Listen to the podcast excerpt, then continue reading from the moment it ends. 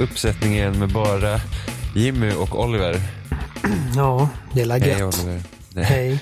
Jättetrevligt. Nu sa jag inte limpan och oliven. Jag tänkte Nej. säga det först. Tänkte jag nej, nej jag är inte på Det är limpan och därför jag oliven blev lite thrown off. Ja, precis. Vad var är mitt namn? Detta tråkiga skämt som har följt med mig sedan barndomen upprepades inte i vår fina podcast. 250 är ändå en milstolpe alltså. Jag vet, det är lite tråkigt att inte 250 var nästa vecka. Varför det? För att vi pratade om Smash till Wii U i Ja, avsnitt 50. Så det hade varit roligt om det hade varit så. 200 sen dess alltså. Ja. Helvete. När kom Wii U Smash ut? 500. 2012?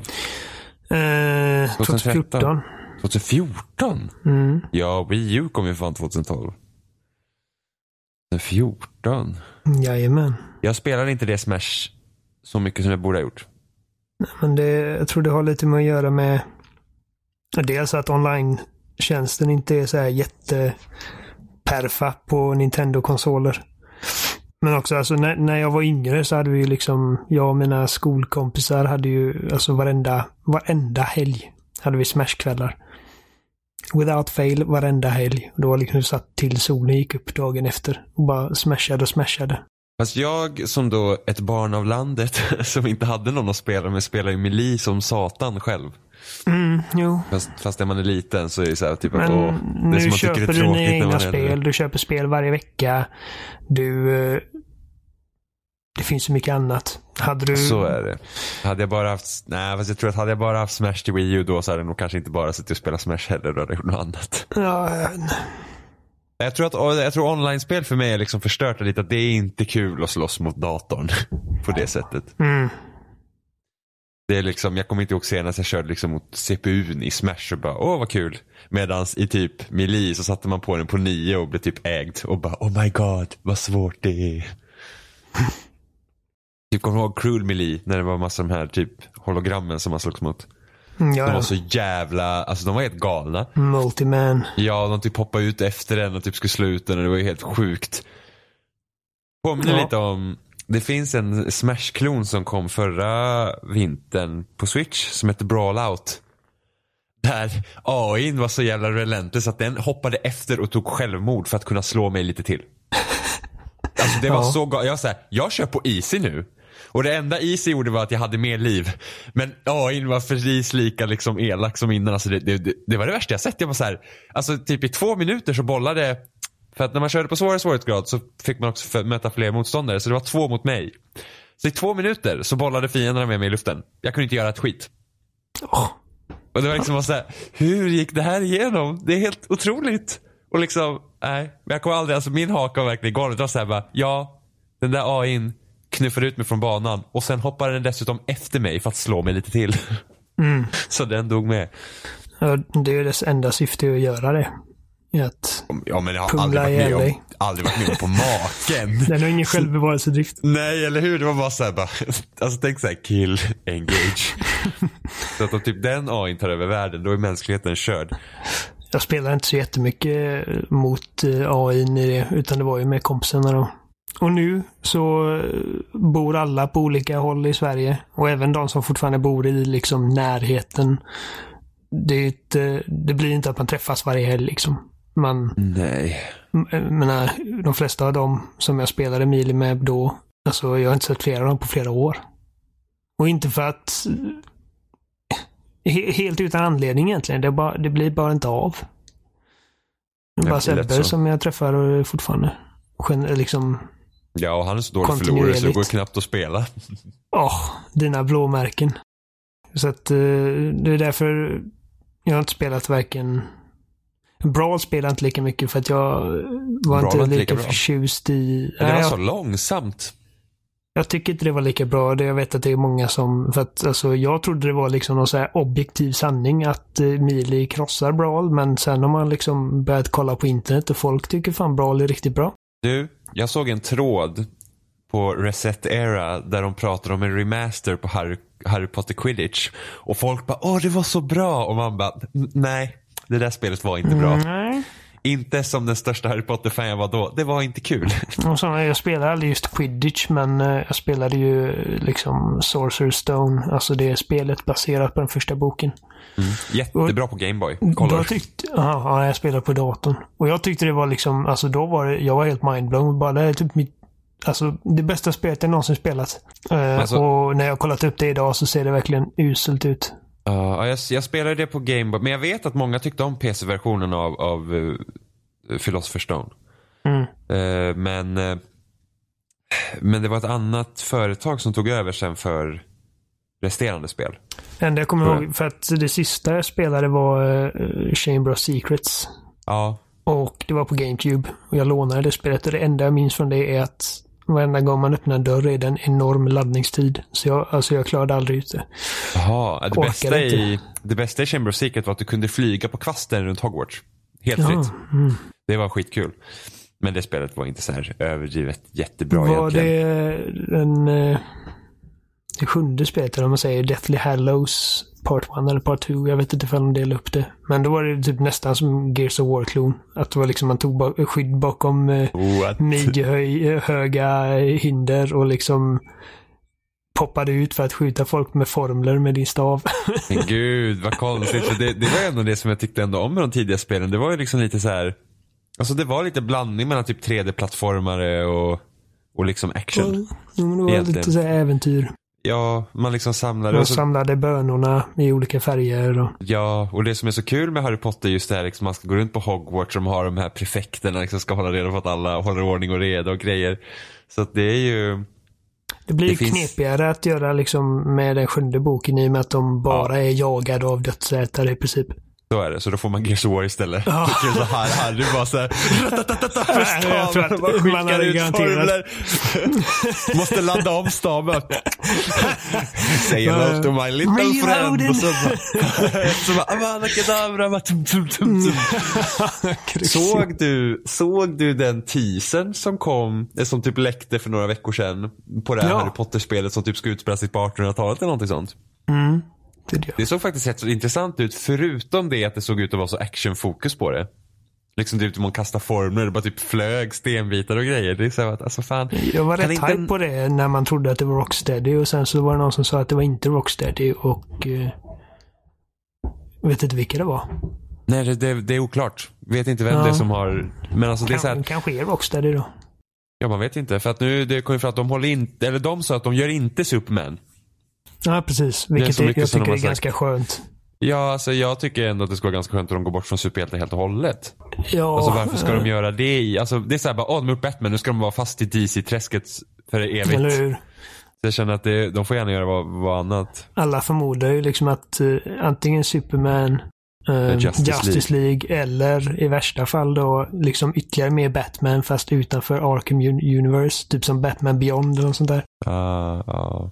Nej men alltså jag känner så att jag tyckte inte om Arkham Knight så jag känner att de har gjort sitt med den serien. Liksom. De, de, det, det ska bli spännande att se om de gör någonting annat så att de inte liksom kör samma system hela tiden. Jag gillade Arkham Knight men jag tycker också att de har gjort sitt med den serien. Och Harry Potter har varit rätt så kul ändå. Ja, det, det, det, det är också en Warner Brothers eh, IP som hade funkat bra. Det finns ju liksom inte... Alltså Harry Potter har inte fått sin Arkham Asylum. Nej, Harry Potter säger. förtjänar ett bra spel. Definitivt. Alltså det är så, för att jag håller på att kolla om på filmerna nu. Mm. Eh, För att det, det är så december och jag tycker de hör så bra ihop med julen och sådär. Så att jag, så att jag, jag ska börja titta på tredje filmen ikväll. Så jag känner liksom att hela det, den världen liksom finns det. Alltså det, det, det är verkligen alltså så här. Nu när det också open world-spel är så jävla hett. Herregud, ge oss Hogwarts för fan. Med Hogsmeade och låt oss liksom, låt, alltså ta oss igenom en hel skolgång. Jag vet inte från år ett till sju eller hur de vill göra eller om de bara vill köra ett år liksom spelar roll. Bara liksom låt oss få lära oss formler och liksom låt oss smyga runt och försöka liksom överlista prefekterna och liksom göra hyss och grejer. Det är inte riktigt Alltså, vad jag tror att det hade blivit. Nej, inte jag heller för jag Eh. tror att folk tror inte att det säljer. Men så jävla Nej. free to play mobilskit, det kan man släppa i all evighet. Ja. Jag tror det- att ifall vi får se ett Harry Potter-spel så blir det ju lite mer så här typ att besegra ondskans makter och Men det är så, alltså du ska fortfarande kunna fixa typ någon form av story. Men det är så här just det att varför inte kunna liksom så här börja Hogwarts, du blir indelad i ett elevhem. Liksom, det är så gjort för spel känns det som. Mm. Ja, men det, det hade kunnat bli kul. Jag känner dock, för jag pratade med en kompis om detta för några månader sedan, om eh, vad vi hoppas på att Rocksteady gör. För det, det enda jag känner är liksom att jag hoppas ändå att de arbetar med ett liksom etablerat IP. Inte för att jag inte tror att de hade kunnat göra någonting helt nytt själva. För att det är ju, en talangfull studio är fortfarande en talangfull studio. De var inte talangfulla innan Batman. Eh, Det är väl en, de hade gjort typ skit Ja, det och sen när de fick arbeta med någonting som inte var deras eget så gick det bra. Nu vet ju inte jag hur, alltså det är jättelänge Ja, men de har ju alltså, säkert växt jättemycket sedan dess och lärt sig jättemycket. Så Men, men jag tror att deras styrka ligger i liksom att ta någonting som folk gillar och göra någonting eget av det. Och vi pratar om, okej, så om vi ska hålla oss till Warner Brothers eh, IPn. Då tänkte jag, alltså jag vill, jag vill att Rockstar gör ett Matrix-spel. Rocksteady. Rocksteady ja. Ja, Rockstar. Rocksteady, precis. Det är vad jag hoppas på och det, det lär ju inte hända. Även- Alltså, även om det inte är omöjligt i och med att det har tisslats om att eh, Warner Brothers vill göra någonting med Matrix i filmform. Så det hade passat timingmässigt. Men det, jag, jag tror inte det kommer hända. Men jag bara, ju mer jag tänkte på det, desto mer vill jag ha det. Liksom. Jag tror att Rocksteady hade kunnat göra så här Matrix Kung Fu hur bra som helst. Ja, den enda risken jag känner är att Warner Brothers vill inte att eh, Rocksteady ska göra ett single player-upplevelse utan det ska vara Games as Service-modellen.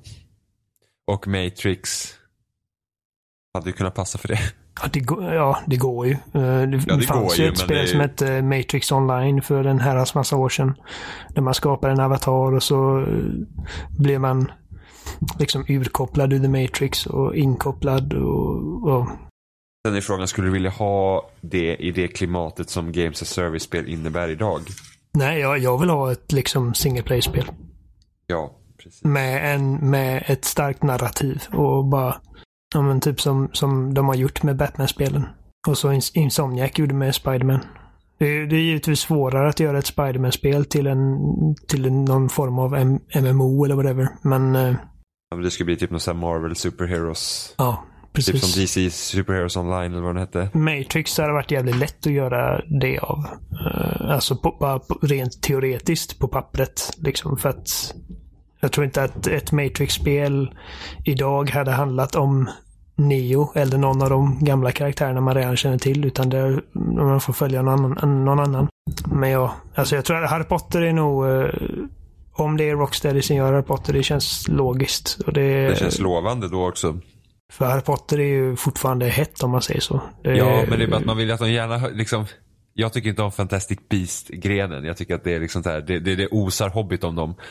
Jag är inte heller något jättefan. Jag såg första filmen och tyckte att den hade sina den hade sina kvaliteter. Jag tycker att eh, Newt Scamander är en väldigt charmig karaktär och spelar de en väldigt charmig skådespelare. Och Ja, Newt är också så intressant på den eh, punkten för att han är inte den typiska manliga hjälten heller nej, han är väldigt quirky och liksom ja, och liksom väldigt omtänksam och vänlig. Ja, och inte, och- inte den här maskulina liksom power fantasyn, liksom att han blir typ bäst. Utan han är liksom omtänksam och bryr sig om djuren och bryr sig om andra människor. Vilket är väldigt ovanligt. Vilket också var rätt så inte kul. för att Harry Potter är en Rambo direkt. Nej, nej, men han, han nej, jo.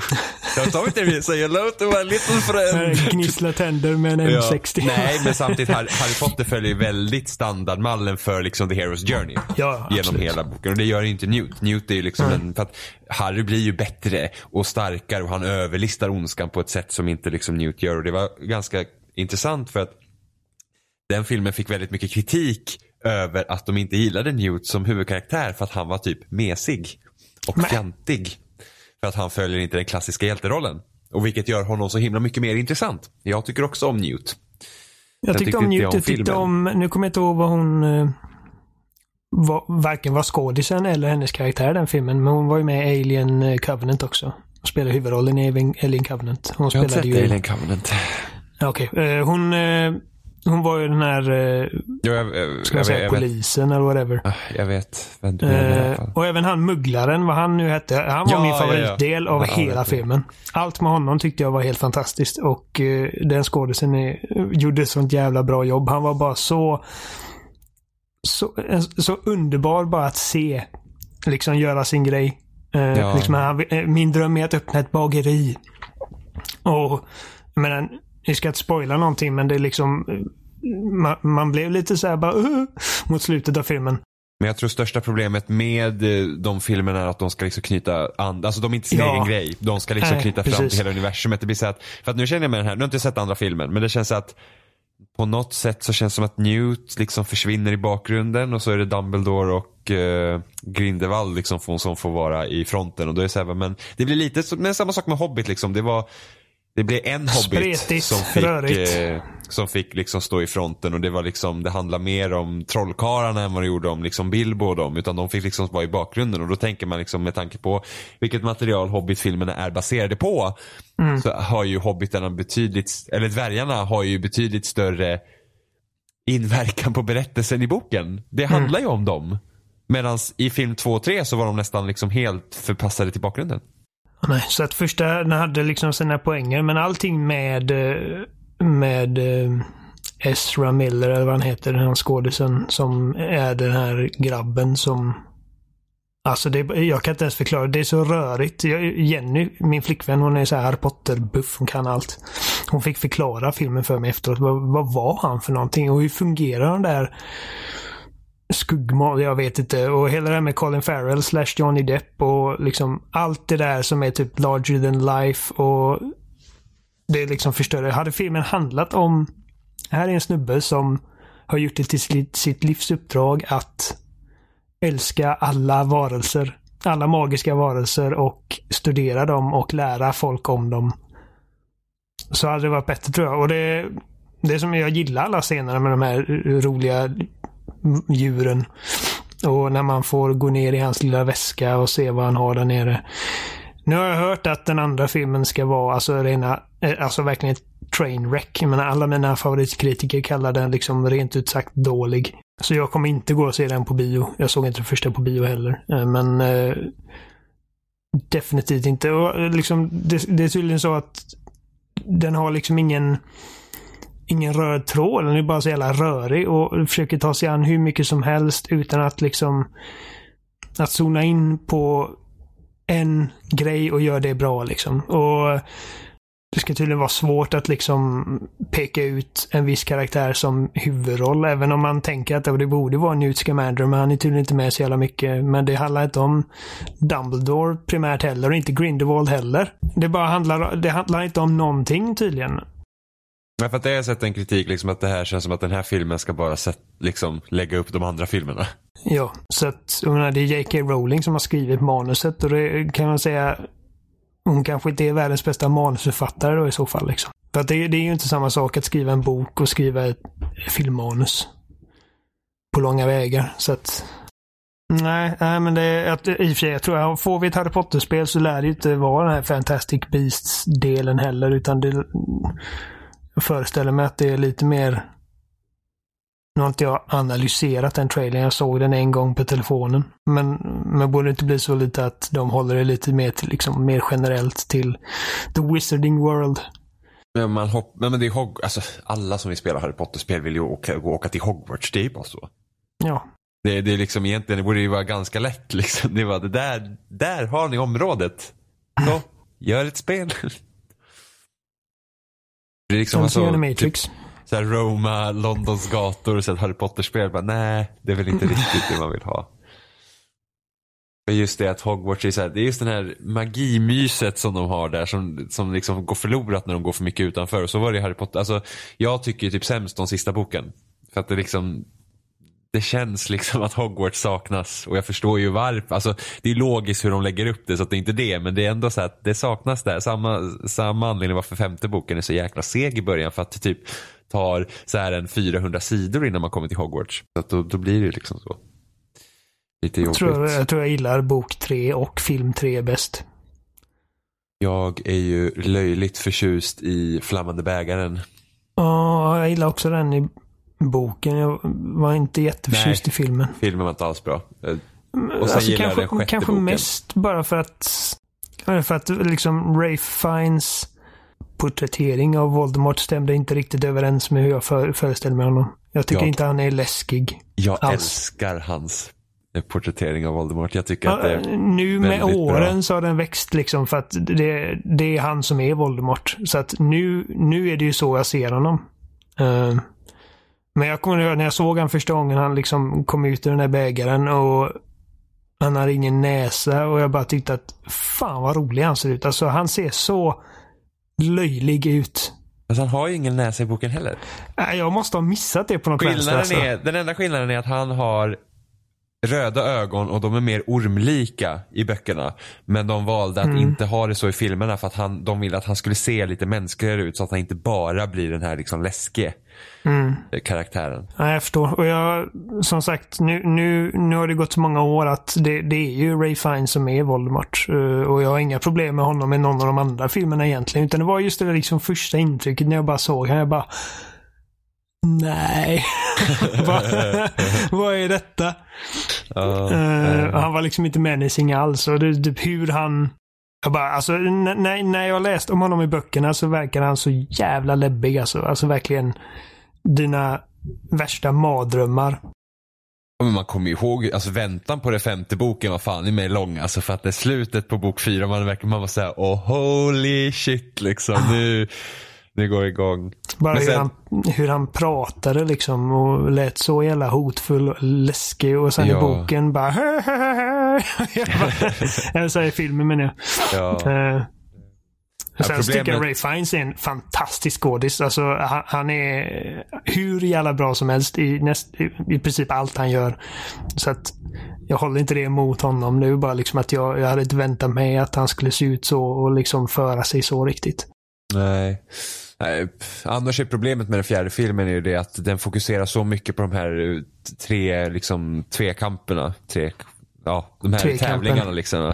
Är inte det, inte det vad den boken handlar om? då? Jo, jag vet, men det är bara att det är så mycket mellan de här som man måste skala bort i filmen. Och det tycker jag är ett problem överlag med filmerna är det att de tar bort allt det som gör Harry Potter verkligen speciellt. Alltså det som ligger emellan de stora plotpointsen. Ja, jag tror att alltså, den, den film som har lyckats bäst med det är väl ettan. Bara för att, bara för att det är liksom en film som etablerar allting. Och man Ja, och sen så den boken, är se- bara, den boken är bara 300 sidor också. Ja, den, är, kort. Den är kortast och den, den biter liksom inte...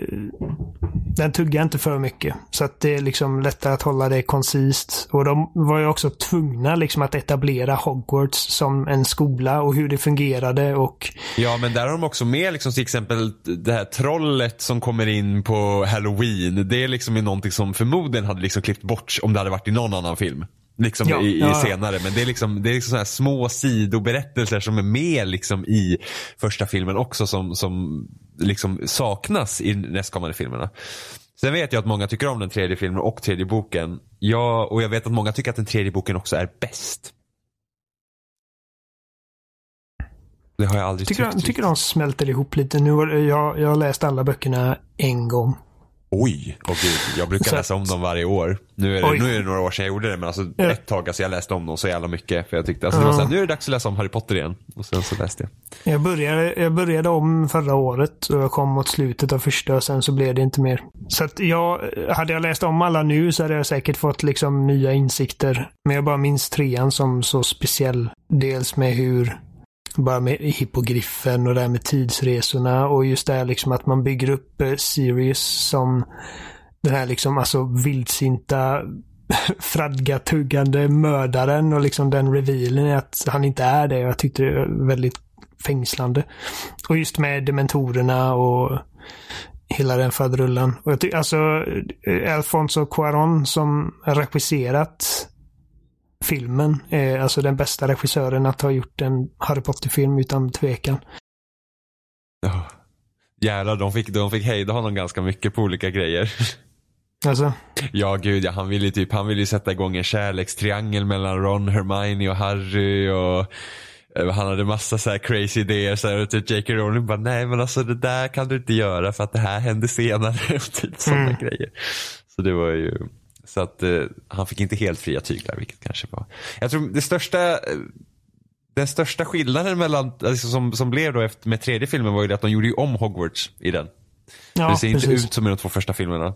Så Hagrids stuga ligger ju liksom helt annorlunda och Ja, och de, de går inte bara runt i sina liksom, rockar längre utan de har lite mer alldagliga kläder också. Bara, bara en sån sak. Ja, det är sant. Det är sant. Ja, jo. Inte jättekonsekvent med de två tidigare filmerna kanske rent liksom estetiskt men jag tycker ändå att det de gjorde funkar väldigt bra. Jo, men så är det ju. Och sen så säkert har de fått större budget och liksom mm. när filmerna börjar dra in massa pengar så de kan liksom göra lite fler grejer. Men vilken, alltså vi pratade om det bara för ett par dagar sedan. Vilket mirakeldrag den casten är egentligen. Ja. Att de liksom på första försöket hittar skådisarna som skulle spela Harry, Ron, Hermione. Alltså de viktigaste. Snape, McGonagall, Hagrid. Eh, Dumbledore dog ju. Det är ju tragiskt men det kan man inte göra så mycket åt. Men liksom alla, alla de andra, de, de fortsatte i sina roller alla dessa år och liksom höll sig så väl. Och bara gjorde det så bra. Ja, det är ju, alltså det, det, är, alltså det är nog det närmsta som kommer i Marvels liksom superhjältesatsning. Ja. Över tid. Och men de då fick är det till ändå... Robert Downey Jr tidigt liksom. Jo, men liksom också det att de det är ju alltså det är tio års tid har de här liksom skådespelarna spelat samma karaktärer mm. i film. Det som gör Harry Potter ännu mer imponerande är ju det att de började med barn. Man har ingen aning unga. om vad som kommer hända där liksom. Och sen ändå att alla de här ungarna också ska skriva på kontrakt för att kunna vara med i alla filmer. Liksom. Det höll ju på från ja. 2001 till 2000. När kom sista filmen? 2011?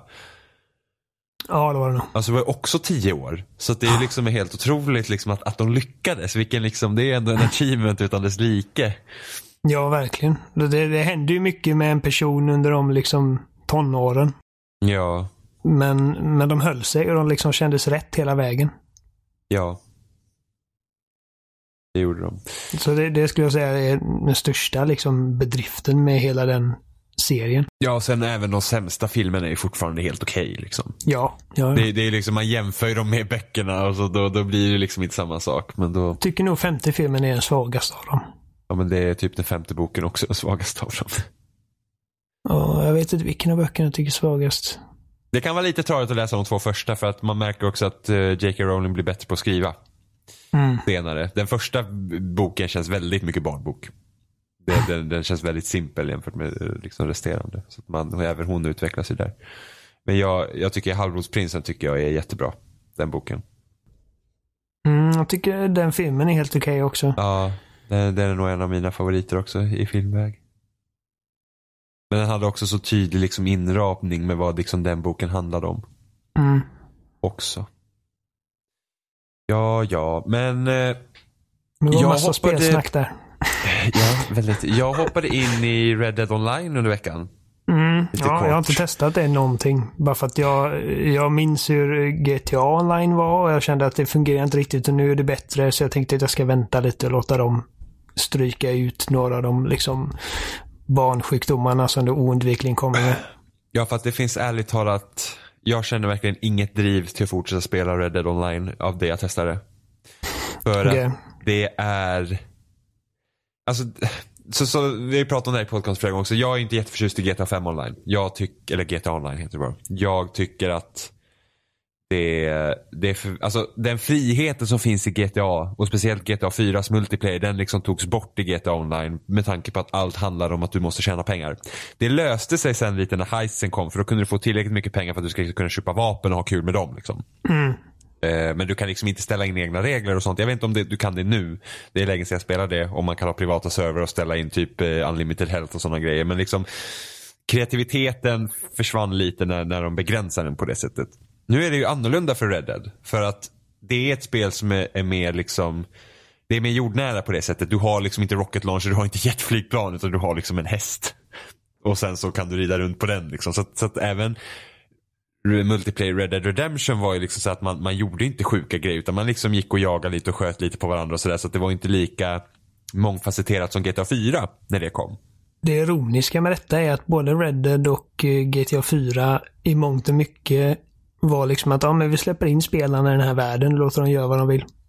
Liksom, de behövde inte guida en särskilt mycket. Det fanns liksom ingen story. Det fanns, det fanns i vissa lägen, typ som deathmatch och sådana grejer. Men det var inte där folk tillbringade sin tid i det. Utan det Nej. var ju att de bara, de bara spånade den här världen och liksom lullade runt. Ja. Men Red Dead började lägga liksom grunderna för det som skulle bli GTA, GTA Online. Alltså det därför mm. där försökte de liksom med att man skulle liksom så här. Du ska ha en posse och ni ska liksom rida och göra de här lite små uppdrag tillsammans. Ni ska liksom du, du söker inte i meny efter Team Deathmatch utan det finns, du går till en liksom, plats på banan och sen ska ni liksom, så där börjar de liksom redan testa liksom med att få, liksom att strukturera upp en multiplayer-upplevelse. Mm. Och sen så, och Red Dead Online fortsätter från GTA 5 liksom att det finns ju en story här, du har ju liksom det finns liksom uppdrag med cutscenes även om de är ganska få just nu och sådär. Men mitt största egentligen problem just nu med spelet är det först är så här, det finns inte riktigt någonting att göra om du inte tycker om att skjuta på andra spelare konstant. Liksom så här, typ att jo, du kan fiska och jaga med varandra. Eh, men det är bara det att folk är svin. De, liksom, de skjuter gärna först och liksom så här för att det finns inte så mycket annat att göra. Det var samma sak med Red Dead Redemption. Det fanns inte så mycket att göra där heller så att folk sköt på varandra. Eh, men största problemet just nu det är ju ekonomin i spelet. Den är ju liksom helt trasig. För att du får jättelite när du gör saker. Du får jättelite pengar och de har ju liksom två ekonomisystem. De har ju så här guld nuggets som du tjänar ihop till guldbars. Och det, är den här, det här ska du kunna köpa för mikrotransaktioner sen. Och sen har du då dollar som du tjänar ihop i spelet som liksom är en valuta. Du får väldigt lite när du gör saker. Och när man går till affären och tittar så allt är jättedyrt. Och inte nog med att det är liksom låst bakom pengar. Att du liksom måste spendera liksom det du tjänar i spelet och du måste spendera dem och liksom spela jättemycket när du ska köpa kanske en hatt. Så är det även låst bakom levels. Så att du måste också spela väldigt mycket när du kan göra någonting. Det gör att så att, okej, okay, om jag liksom ska vilja köpa kläder och sånt till min gubbe. Det finns inte så mycket att välja på om inte jag spelar jättemycket. Och då blir det så här, och, och då blir liksom det mitt största problem med spelet också. För det, då blir det som ett arbete. Och det här problemet hade GTA 5 också i början. Eller GTA Online i början. Det var det här att all den tid du inte lägger på att tjäna ihop pengar känns som ett slöseri med tid. Även om det skulle kanske vara jättekul att fiska och hålla på allt så här med kompisar och sånt. Men tjänar du inte pengar. Då, då, då känns det som att du slösar tiden i spelet för att du liksom kan inte köpa nya saker. Exempelvis. Ja, alltså det är så. Eh, funkar så i GTA Online också att du kunde inte köpa vilka vapen som helst från början utan du var tvungen att levla upp och sen. Men det fanns mycket större utbud. Jo, jo, det... det fanns liksom, och kläder. Det fanns ett mycket, mycket större utbud på kläder också. Att du liksom kunde redan liksom börja liksom förändra din gubbe. Liksom. Du hade hela tiden lite saker att göra. Där var ju problemet istället att ammo var ju dyrt. Mm. Så, att, så att folk började liksom hitta sätt att, att eh, liksom exploita systemet och köra, det här missionet är absolut snabbast. Vi kör om och om igen så vi kan få upp pengar och sen börjar Rockstar banna de spelarna för att så får ni inte göra. Här så börjar folk hoppa in i multiplayer-matcher och så sätter de en gummisnodd runt sin kontroll så att du står och snurrar runt hela tiden och så kör du på hela natten. Så att du tjänar pengar. Och då märker man så att om folk börjar manipulera ditt spel för att få ihop pengar då, då är det ju något som är knasigt. För då har ja. folk inte kul, för då spelar de inte spelet längre utan då, då liksom försöker de bara utnyttja systemet så att de kan få pengar så att de kan ha kul och spela spelet. Det, det, det är ju inte något som, liksom, som är inherently, jag är så svengelsk, inherently dåligt med att man behöver jobba för att få liksom belöningar i spelet. Men då måste ju resan dit också vara rolig. Ja, ja, precis. Och så liksom att, att säga att du kan inte ha kul förrän du kanske lägger ner tiotals timmar. Du har Nej. inte roligt på en gång. Och sen, nu, det är säkert folk som har kul med Red Dead Online. De kanske inte bryr sig liksom. Ja. Men sen är ju problemet också här med att de har ju tagit, vissa av de systemen som finns i Red Dead 2 har de tagit också till online-delen. Som att du måste äta. Eh, och liksom underhålla dina cores. Och maten kostar. Så att vissa när de liksom kör uppdrag, de säger att men vi går minus. Alltså den, de pengarna vi tjänar är inte ens tillräckligt för att köpa ammo och mat.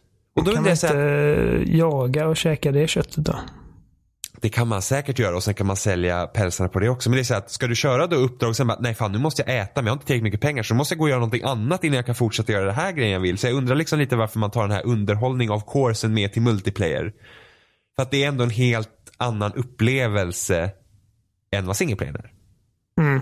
Alltså de, och speciellt inte om man inte bygger då hela spelet kring att man har tänkt liksom för att du har ju liksom ett camp i det här spelet också men du har liksom ett eget camp och sen du kan uppgradera det så du kan sova och allt sånt där. Precis som i, liksom i, i huvudspelet. Och just nu tror inte jag liksom så att det är inte som att vi har ett camp tillsammans. Jag har mitt camp och du har ditt camp men det kan ändå vara på samma ställe. Det är lite diffust. Jag har inte spelat tillräckligt mycket för att liksom hålla koll på exakt hur det funkar men det är liksom vi har inget delat läger på det sättet. Och då hade de byggt det istället så att, om vi säger att vi har en posse på fyra stycken och sen har vi vårt läger.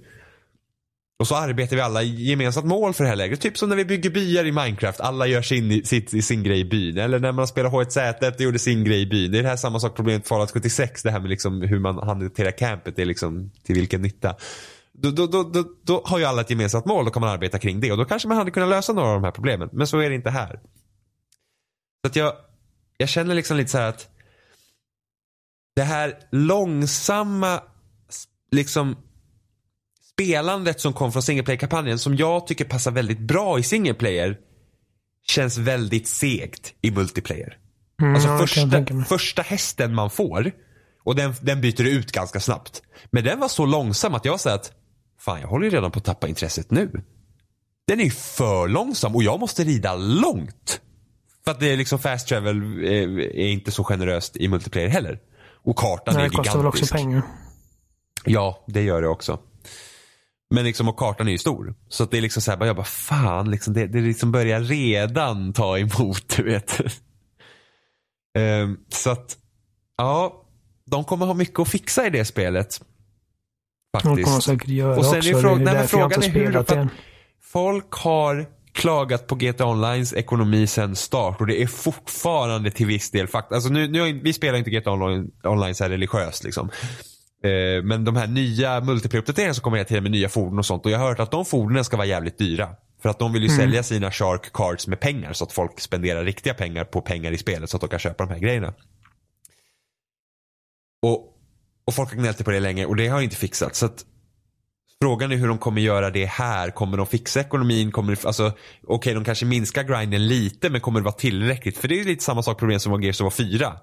Som jag, som jag nämner lite då och då när man ska liksom köpa de här deras jävla lootboxes för den currency man tjänar i spelet. Och det är så att, ja de har tweakat den några gånger men man tjänar fortfarande så pass lite att man blir fan bara arg när man ser hur lite man får varje gång.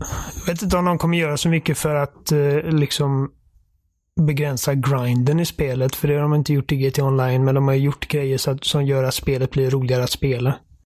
Jo men alltså till exempel när heisten kom. Då försvann ju grinden för ammo. Bara en sån sak. Så att det är ju liksom, Och sen så alltså, GT Online är ju en massiv framgång för dem. ja så är det.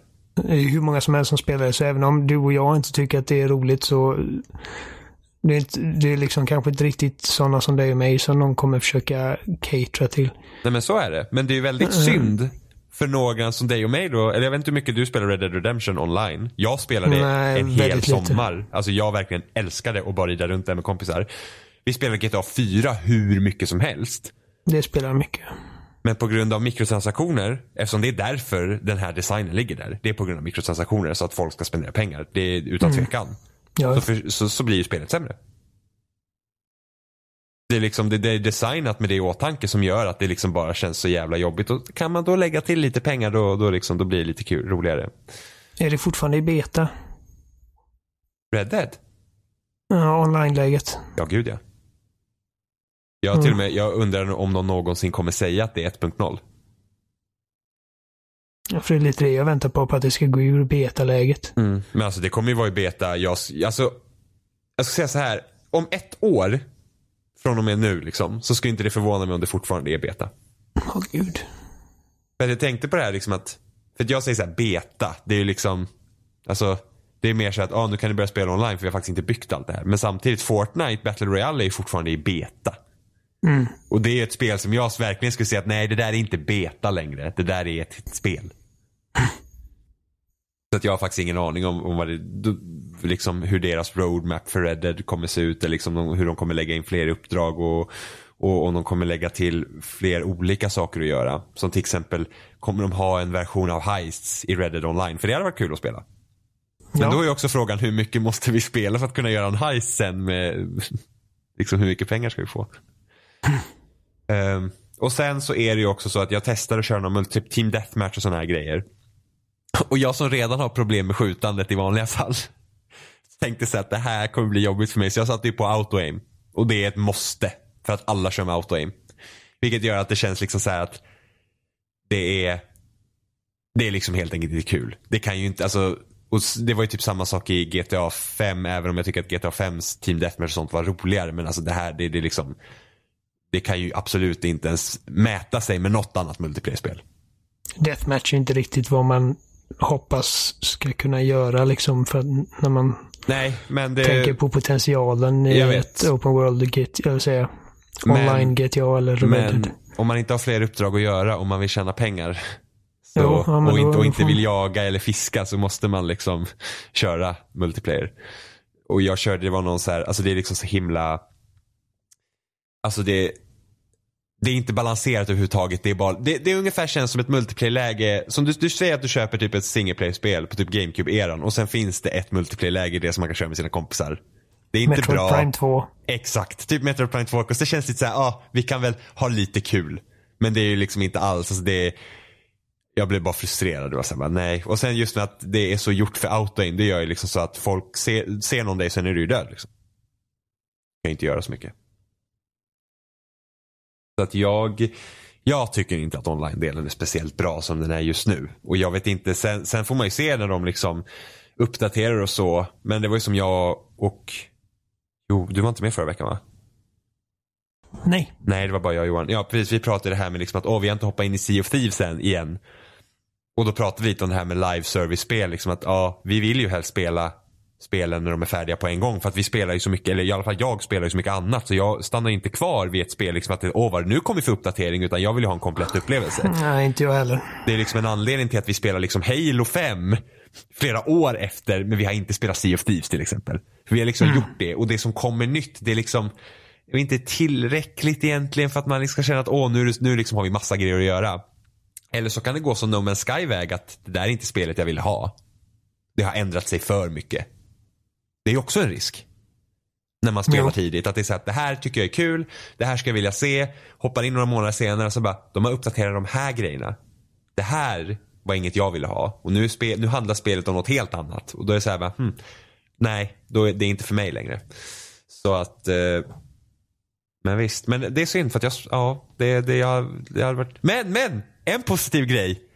Man kan använda lassot online. Oj, hur, hur funkar det då? Jag har inte använt det än. Okej. Men man kan, jag har sett folk så här, man kan typ, man lassar någon så kan man typ släpa den efter hästen men sen, jag tror man kan typ masha benen så man kan bryta sig fri efter ett tag men ändå, det går. Men min första interaktion med någon av spelare i Red Dead Online det var liksom verkligen så att det finns inte tillräckligt mycket att göra så att folk skjuter ju bara varandra. Så att jag var på ett uppdrag där jag skulle jag skulle döda ett bergslejon. Och det här bergslejonet dödade mig typ tre gånger innan jag fick död på det. Och precis när jag tar upp liket och ska sätta den på min häst då kommer en annan spelare och bara skjuter mig. Och snor mitt lik. Eller mitt lik, mi, mitt djur som jag dödade precis. Och det, och jag det- tänkte, ditt, va? Han bara släpade mig efter. Jag var såhär, ah, du kan inte spana. Nej. Han, han, han, han, han snodde mitt eh, djur. Kadaver, ja. Ja, precis. Som jag behövde för att klara uppdraget. Mm. Så får man säga bara, oh, somebody stole your carcass, eh, go after them. Och jag var ju så jävla förbannad. Jag var ju redan lite irriterad på spelet för att det var så slött. Så jag var så jävla förbannad så jag snabbt som fan bara hoppade på min jävla häst, red efter den här jäveln och sen dödade jag honom 17 gånger i rad. Innan jag, innan, innan, jag, innan jag gav upp och bara tog mitt jävla kadaver och gick därifrån. Han, han dödade mig inte efter det. För att man spanar så nära varandra. Okej. Så att jag kan ju i princip spantrappat honom hela dagen. Om jag vill. Han lät dig vara sen. Ja, han lät mig vara sen. worth it man. Ja, för jag- this guy is a psycho. Ja, för jag sköt han en gång och sen så började han ju liksom komma, för direkt när han spanade började han springa mot mig så jag sköt han igen. Och sen försökte han väl lite fly efter andra gången jag hade dödat. Jag tänkte såhär bara, nej, han ska banne mig lära sig. Så jag sköt han 15 gånger till innan jag tog min kadaver. Och Mm. eh, red ifrån och klarade uppdraget. Så att eh, jag vet inte riktigt vad Red Dead Online kommer vara om ett halvår. Jag hoppas att de lägger till typ sådana här riktigt stora bankrån, eller liksom rån, typ tågrån, bankrån och sånt i klass med heisten till GTA Online för att de var kul. Alltså det var riktigt kul för att de, det Rockstar gjorde med GTA Online heisten var ju det som du och jag pratade om. Så vi har velat haft sen det väldigt populära spelet Watch Dogs. Det här med att spelare kan ha olika roller när man gör ett uppdrag och man nödvändigtvis inte behöver vara på samma plats när man gör dem. Okej. Men det gjorde GTA Online. Kommer du inte ihåg det på Heisen? Att vi, det var så här att okej men du, ni två har de här rollerna så ni kommer vara här och göra någonting medan två andra hade några andra roller och var, på den här sidan bara. Vi var inte liksom, vi fick inte ens se varandra utan men vi gjorde samma sak som skulle eh, gå, gå mot liksom det stora uppdraget då. Och något just det. sånt hade ju varit skitkul att ha i Red Dead online också. Att de gör heists. Där Ja, man kan det, tjäna pengar. Ja, jag kommer inte ihåg ifall de har nämnt något, ifall det kommer något liknande. Nej, jag har ingen aning men alltså det, det är liksom, de måste ju ha någonting som är kul att göra Känns det som en missad, missad opportunity att inte göra det. Jo, men samtidigt så kan jag tänka mig att de hade ju så jävla problem att få ihop heisten. Så att det kanske var för svårt. Mm, ja, jo, kanske även. För att, för att det, finns ju, alltså det finns en potential i Red Online men just nu finns det ju ingenting att göra förutom att gå och skjuta varandra. Det är liksom bara så att det, det, det, är, bara en, det är en öppen Team Deathmatch-bana. För att det finns inget annat att göra. Så, så fort du ser en annan spelare, det är inte så att de har inte gjort något egentligen jätteintressant med liksom det här. De har ju typ ett emote-system men du kan liksom inte de har inte utvecklat typ det här konversationssystemet från kampanjen. Liksom det, det finns inte riktigt något sånt i online på det sättet och sen eh, inga minigames, ingenting. Så det är bara deathmatch eller göra de här uppdragen som de har för dig. Så att eh, ja, det, det, det, är, det är beta-ish. Mm, ja, nej, det är tråkigt att det inte lämnat ett starkare intryck på dig. Ja, ja, men jag känner också att det är, det är lite tråkigt. Och sen det är liksom, alltså, ja, jag känner inte att de har riktigt tagit vara riktigt på det som gör Red Dead. Speciellt liksom i kampanjen och försökt föra över det till multiplayer och liksom skapa en egen grej. Och det är så här bara, äh, men det här funkar för GTA Online. Så vi kör det i Red Dead Online. Men sen har de utvecklat saker för single play-kampanjen som att man är mycket långsammare och det är lite trögare vilket gör att det inte är lika kul heller. Man är liksom lite för seg. Men jag och Johan hade en väldigt intim spelsession för att man kan hoppa över på den andras häst. Så att vi satt båda på samma häst och min gubbe höll om armarna för Johan. Ja, Man var såhär, åh, vad kul. vad galet. Ja. Ett spel som jag inte räknade med skulle ha en större liksom inverkan på mig var Tetris Effect, men satan vad bra det spelet är. Ja, du tycker det? Jag, eh, jag är inte en pusselspel eh, fanatiker. Det kan man, nej precis. Jag, jag är definitivt inte liksom... Jag känner mig inte hemma i pusselgenren. Jag tror att mina, mina favoritpusselspel är ju Portal-spelen då, men det är ju så här hälften hälften FPS. Man hade glömt bort när vi spelade Portal 2 multiplayer mitt i natten. Jag var så himla irriterad. Jag bara, kom igen Oliver, tänk. Alltså, lösningarna i co-op-läget det är grymt komplicerade. Men eh, Tetris Effect, alltså rent... Bara rent spelmässigt är det ju liksom Tetris precis som alla andra Tetris-spel man spelat. Det är just det, liksom det visuella och eh, vad de gör med ljud och musik som gör det spelet så fruktansvärt fängslande. Och då särskilt, jag har spelat det primärt i VR och jag har testat lite utan. Och det här är officiellt då från, från Oliver VR-skeptiker nummer ett. Det bästa VR-spelet som finns. Eh, helt enkelt för att det är det enda spelet jag spelat som jag absolut inte vill spela utan en VR-hjälm på skallen. Mm. Det, det, är liksom, det är det enda spelet som bara kommer med fördelar i princip. Med VR. Ja, jag vet att jag har sett folk som har spelat utan VR då de här visuella effekterna kan hamna i vägen. Ja. Och det blir ju inte samma problem i VR.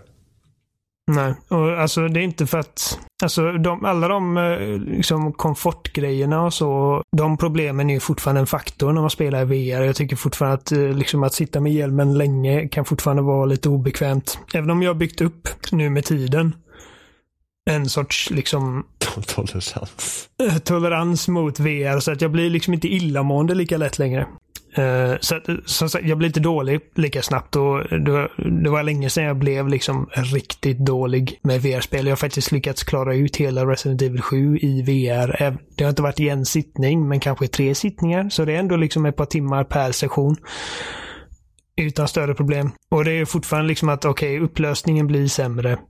Uh, själva bildkvaliteten är ju inte lika skarp som det är på min 4K OLED LG-TV. Men allt det där liksom, alla de grejerna försvinner när man väl sitter där inne i det här Tetris-spelet och lägger block i takt till väldigt catchy musik och psykedeliska bakgrunder och jättehäftiga liksom effekter och... Jag fick... Jag spelade på normal, fick erkänna mig besegrad. Jag hinner inte med. Jag fick ta beginner. Vilket gör att man får börja om från början. Men det gick ganska bra. För att så Klarar- fort de liksom ökar beginner? takten. Ja, jag har klarat det på beginner nu. Bra för att sista låten är liksom en av höjdpunkterna. Ja, ja det var coolt. Det är liksom kulmineringen av allt. Riktigt coolt. Och eh, alltså för att när blocken börjar komma snabbare, då, alltså, då blir det svårt alltså för, för mig. Jag, jag är grymt dålig på sådana här spel. Jag tror jag klarar två första värdena på expert. Alltså du är sjuk. Men alltså jag Ja, får ju eh, inte höga, jag får inte jättehöga poäng. Alltså det, det, det har jag liksom inte, jag har inte riktigt kommit fnurr med hur jag liksom ska kunna lägga ihop kombos. Alltså det tänket har jag inte även om jag klarar mig. Liksom. Någonting jag blivit lite bättre på är liksom att kolla hela tiden vad jag har för block kommande efter det jag, det, det, det jag har nu. Vilket gör att jag, jag planerar lite bättre. Eh, allt det där går direkt ut ur fönstret så fort takten ökas. Då hinner jag inte kolla. Eh, och jag har också blivit bättre på att liksom spara undan de här långa blocken och eh, försöka bygga runt så att jag kan liksom få flera Tetris på rad. Och det blir liksom väldigt tillfredsställande när man lyckas casha in sådana enorma poäng och liksom allting bara löses upp framför ögonen på dig. Jag vet inte vad mycket mer man kan säga om det. Alltså det, det är bara någonting som måste upplevas. Mm. Och då helst i VR. För att om du inte spelar det med VR så, så går du miste om alltså hälften av upplevelsen. Ja gud ja. Men det är Och fortfarande om ett bra du absolut inte... Jo, det är det. Och om du absolut inte kan, för jag menar ett VR, en VR-hjälm är inte billig direkt. Så se i alla fall till att spela med ett par bra högtalare eller ett bra headset så att du får åtminstone ljudet. Ja, det enda det är konstigt med Tetris Effect för att den här i Journey Mode så har den här att du kan frysa tiden. Så att du kan Va? liksom få Ja, alltså du kan ju, du, du, du laddar ju upp en mätare och sen så kan du få igång den så liksom fryser, alltså spelet går typ i slow motion så kan du liksom få, du kan liksom få jättemånga Tetris på rad. Det är så man bygger upp en kombo. Seriöst? Ja, Det hade jag ingen aning om. ja, det finns. Men det är bara att det finns bara i Journey Mode, vilket jag tycker är väldigt märkligt. Ingenting liksom i, i de andra spellägena bygger på den liksom grejen. Utan då måste man köra Journey Mode, vilket jag tycker är jättekonstigt. Det borde ha funnits någon sån här Tetris Effect maraton där man ska klara 150 lines så snabbt som möjligt. Och där hade man ju kunnat haft en variant där det har vanliga maraton som finns just nu. Och sen hade man kunnat haft typ Journey Marathon där man har den funktionen också. För jag tycker det är väldigt märkligt att man har hittat på liksom en ny liksom en spelmässig funktion i spelet och sen använder man det bara på ett enda läge. Men, men vänta nu, hur, hur, hur startar man den grejen? Undrar Eller om, man gör, man? undrar om man trycker på båda spakarna samtidigt. Eller om det är en... Jag hade Jo. ingen aning. Jaha, det var typ, alltså det finns en film på YouTube där de liksom från E3 de går igenom det att någon fick liksom alla lines. Under den tiden man har liksom pausat och så fick de en hel full Tetris liksom. Med alla gud. lines. Det är typ, Alltså det finns ingen, det finns ingen direkt tutorial i det spelet, vilket man tycker att det borde inte behövas egentligen. jo, Men, det finns eh, tutorial. Man kan läsa den. Jaha. De går igenom typ eh, lite eh, snabba regler bara. För de var också, Okej. de bara, vem har inte spelat Tetris? Och bara, men det måste ju någon, för någon kommer det här vara första Tetris och vi måste skriva det någonstans. Ja, det har jag missat för att återgå och testa. Se ifall det går bättre. Mm, men det kan ju vara, när det blir liksom riktigt snabbt så kan det hjälpa. Ja, det kan Men sen så tänk också på att du kan ju spinna bitarna en ganska lång stund innan du måste lägga ner dem också. Jo, det kan man. Det, det, det har varit min räddning många gånger. Ibland så, blir, ibland så blir det ju fel. Ibland, så, det, det- ibland när man liksom, det blir väldigt tajt och de spinner de där bitarna så vill den aldrig liksom rätta ut sig på rätt sätt så att man liksom kan lägga den där man vill lägga den. Vilket har förstört Nej. många gånger för mig. Åh. Nej men det har varit, Men det har varit rätt mycket. det är skitbra det spelet. Verkligen. Mm. Ja, det har varit rätt så mycket VR för mig också. Så jag klarade ut Astrobot Rescue Mission i veckan av det vill jag spela. Och det, det är liksom det är ju väldigt så här, det, det, det är väldigt speciellt i VR, det är hur charmigt som helst. Jag pratade lite om det förra veckan också men det är, det är ändå lite så här enkelt för att du, du, du får ju liksom olika förmågor liksom i kontrollen så att säga. Du, använder, liksom, du är en, liksom, en, en spelare i världen också. Du styr inte bara Astrobot utan du är också i världen. Som en robot själv.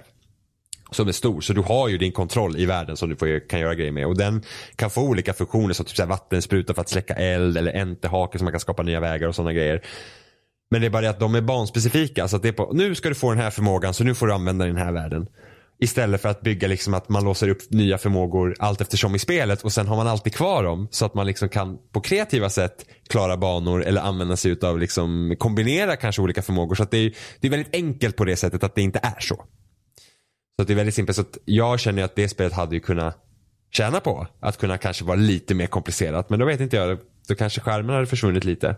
Men eh, Det är en sån grej som bygger väldigt mycket på liksom VR. Jo, jo, men jag ser inte att VR, liksom. jag ser liksom inte att VR skulle hindra att det inte skulle kunna vara lite Nej, nej, men om man tänker då spela det spelet eh, utan VR. Och bara ha det som ett liksom... Ja, nej, nej, nej, nej, nej. Då, då, då, skulle, då skulle jag säga att då kan det vara, då är det kul va. Men det är ju liksom inte som att wow, utan VR. Alltså, Det många är inget säger typ, speciellt. nej, för att många säger typ såhär, ah, det här är typ, alltså det här är Nintendo-nivå på, på plattformsspel. Liksom, hade Nintendo gjort det här och alla liksom varit helt överlyska. Och jag säger, ja, ge lite mer cred till Nintendo och deras spel än så.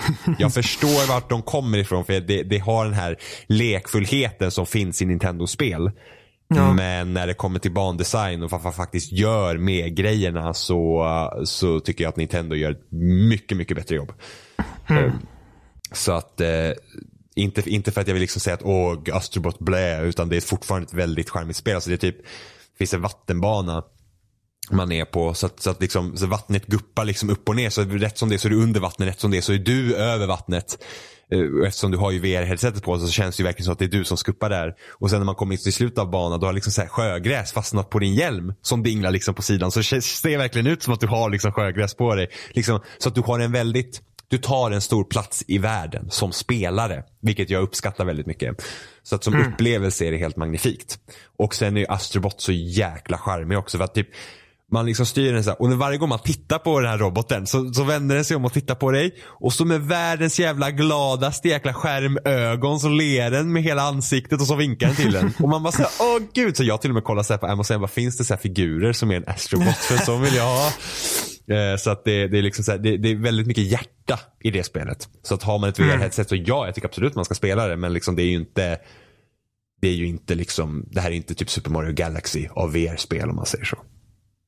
Nej, men det, det hade jag inte trott. Nej, nej, det, det- Jag känner inte att det behöver vara det heller. Nej, nej, absolut inte. Men det finns ju många, alltså man, man ser ju många som tycker liksom att åh, det här är liksom Ja, det bästa jag- som har hänt sen skivat bröd typ. Ja, men det är som Assassin's Creed är ju, är ju bättre än eh, Witcher 3 också.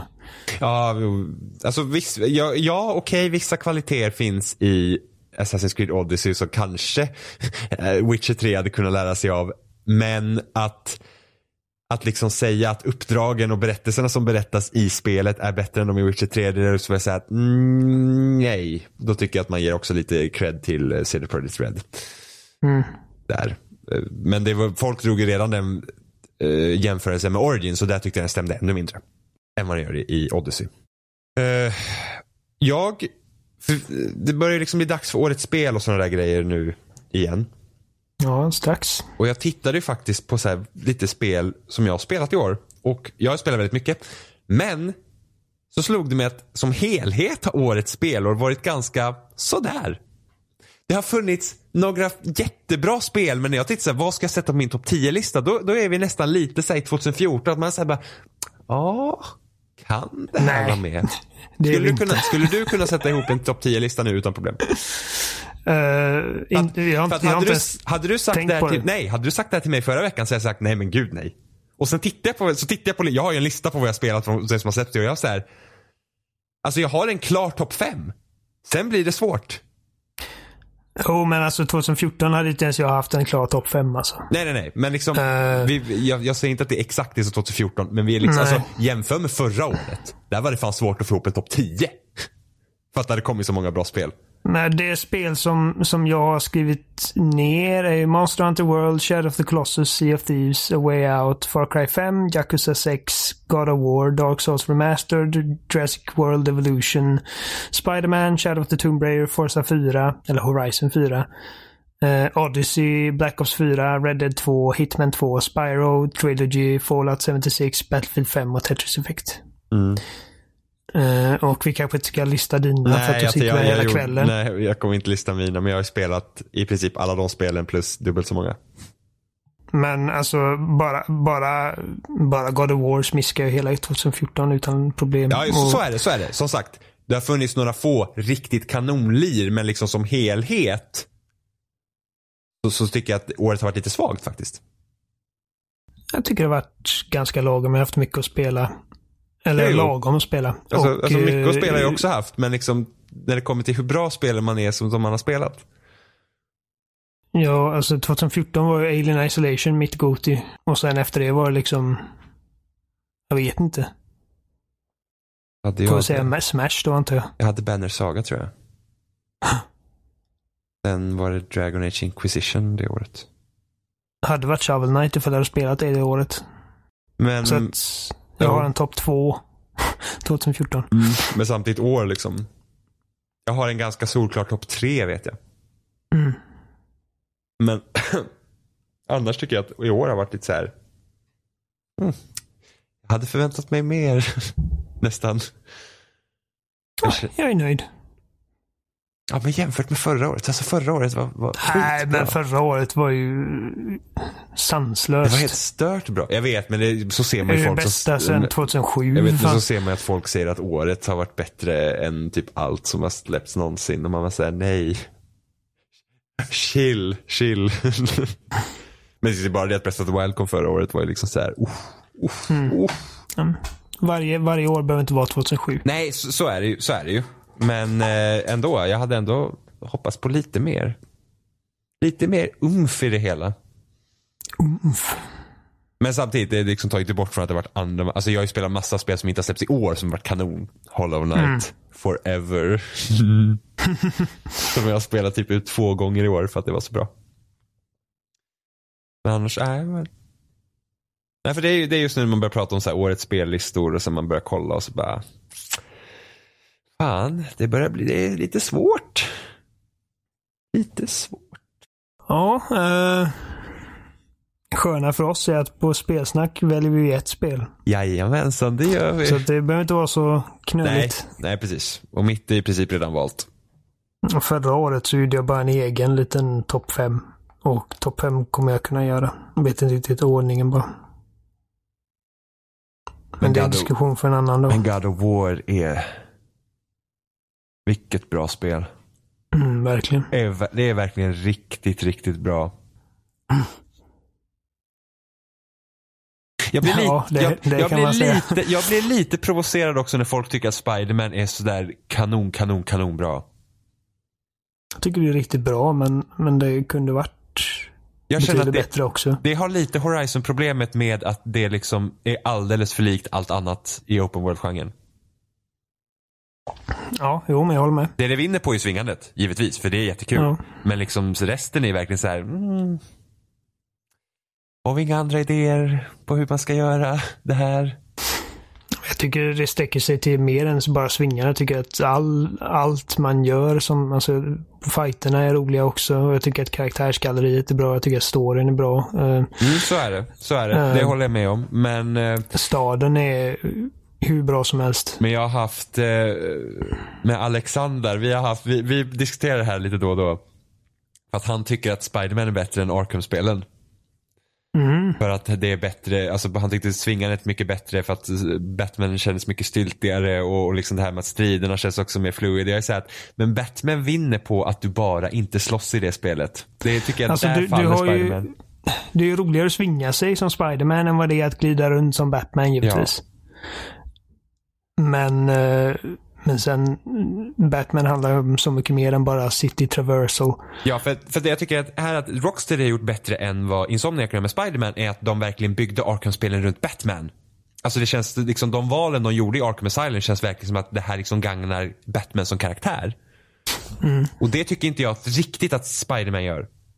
Liksom i hur, hur uppdragen är strukturerade och liksom hur, hur man löser liksom kampanjen om man säger så. Hur man löser uppdragen. För det mesta är liksom gå hit, slå ner alla och sen är du klar. Det finns några liksom undantag. Men det är det mesta det du gör. Medan i Arkham Asylum var det ju som minibanor liksom och du behövde lösa lite pussel och liksom använda Batmans liksom intellektuell som detektiv.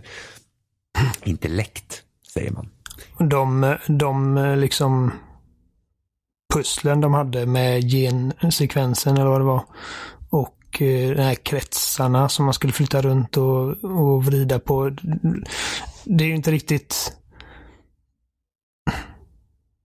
Man kan göra mer för att liksom ja, ja, och sen de har 20 sådana. Det är 20 sådana Ja. styck. Det, det är liksom, det är ju typ som hacker minigamet i eh, Bioshock.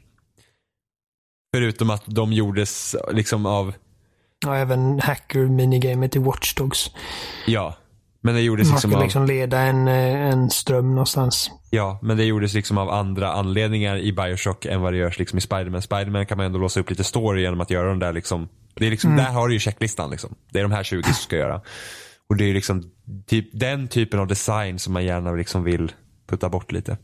Ja, men just det med att det är liksom uppbyggt som en checklista och att du har distrikten och du måste göra fem eh, så här, random crimes där och plocka upp så här många väskor. Och även om jag tycker att liksom innehållet i de här väskorna kunde vara roligt och kunde berika backstoryn på ett visst sätt så är det fortfarande att man springer runt och plockar väskor.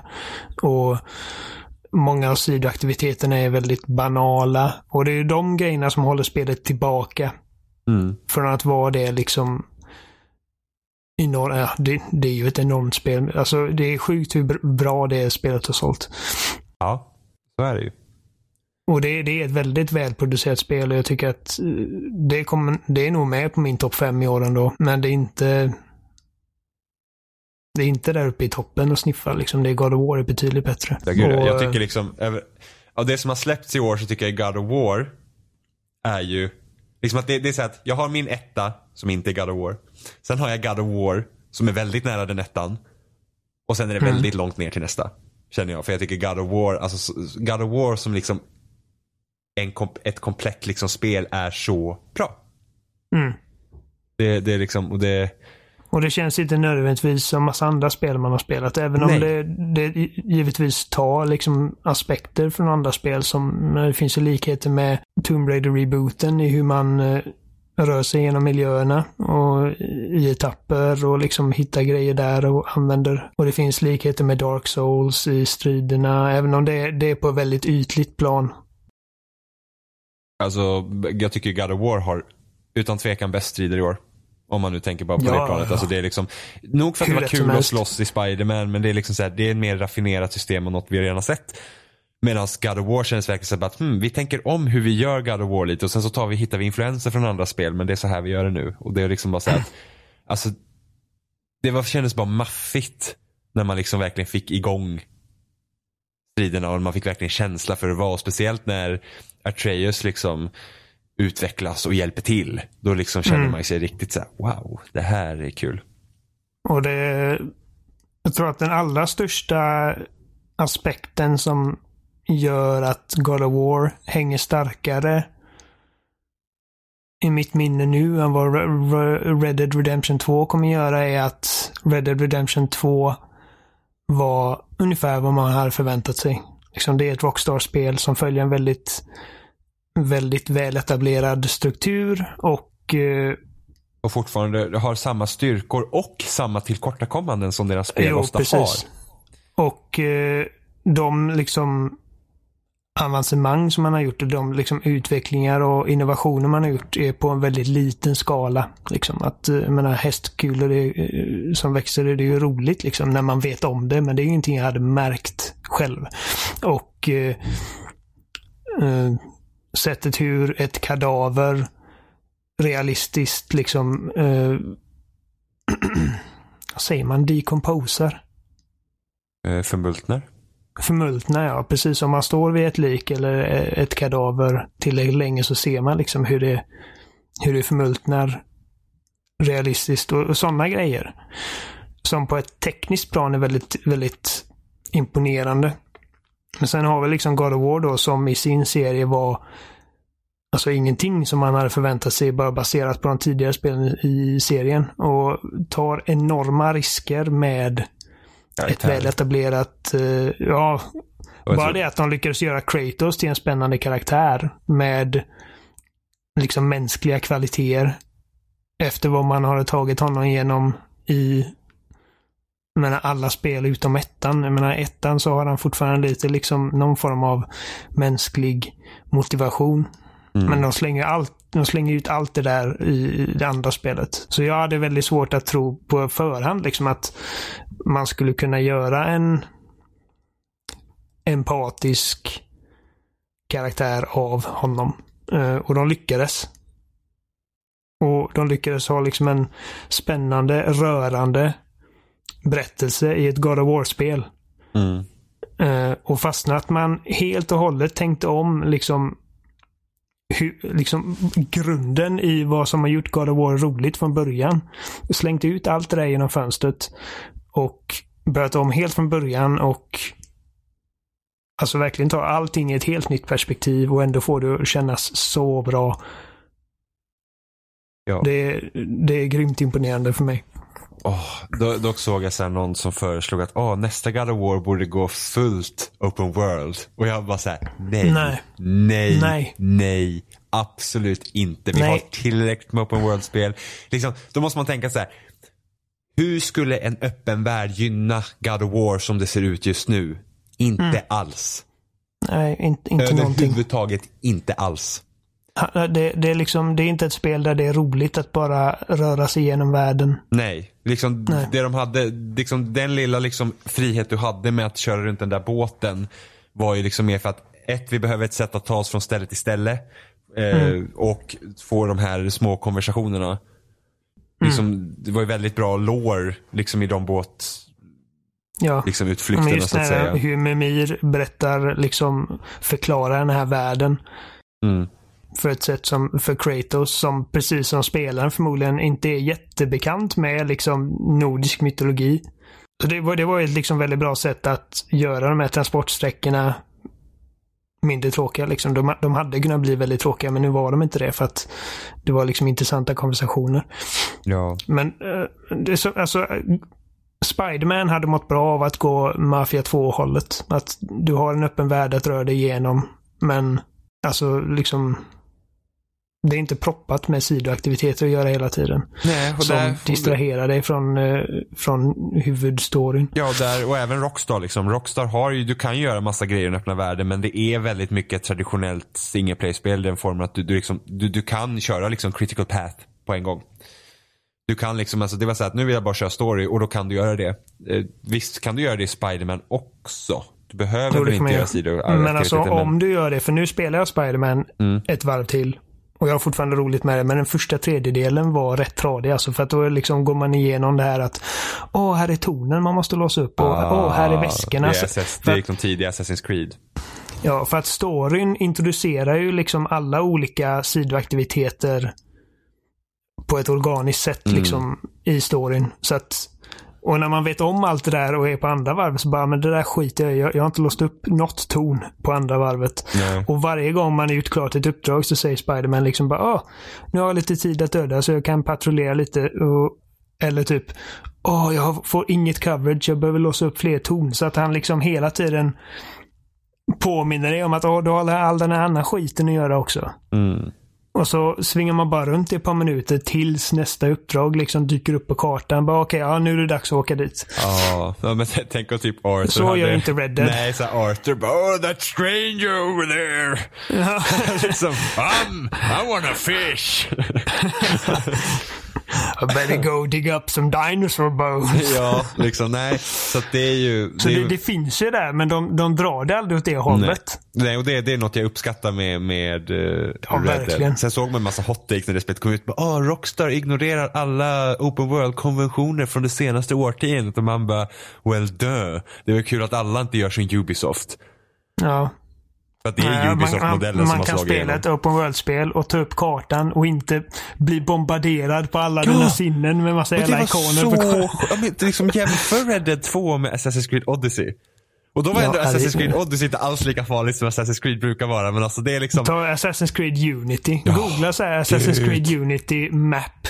Jag kommer ihåg... Alltså det, det är en, det är en liksom visuell mardröm. Jag tror det året som Unity kom ut, jag tror vi hade en lista så här i på loading, så här typ årets hjärnsläpp eller någonting sånt. Och då, då nämnde jag den kartan. Det var bara så här, det här är liksom det här är bara galet. Det är liksom såhär, åh folk har gnällt på våra så här collectibles vi har i spelet att de inte kan hitta dem för de använder guiden då. Så vi placerar ut alla på kartan hela tiden. Och Man säger, jag Ja. hittar för fan inte ens mitt huvuduppdrag just nu för att det är så fullt på kartan.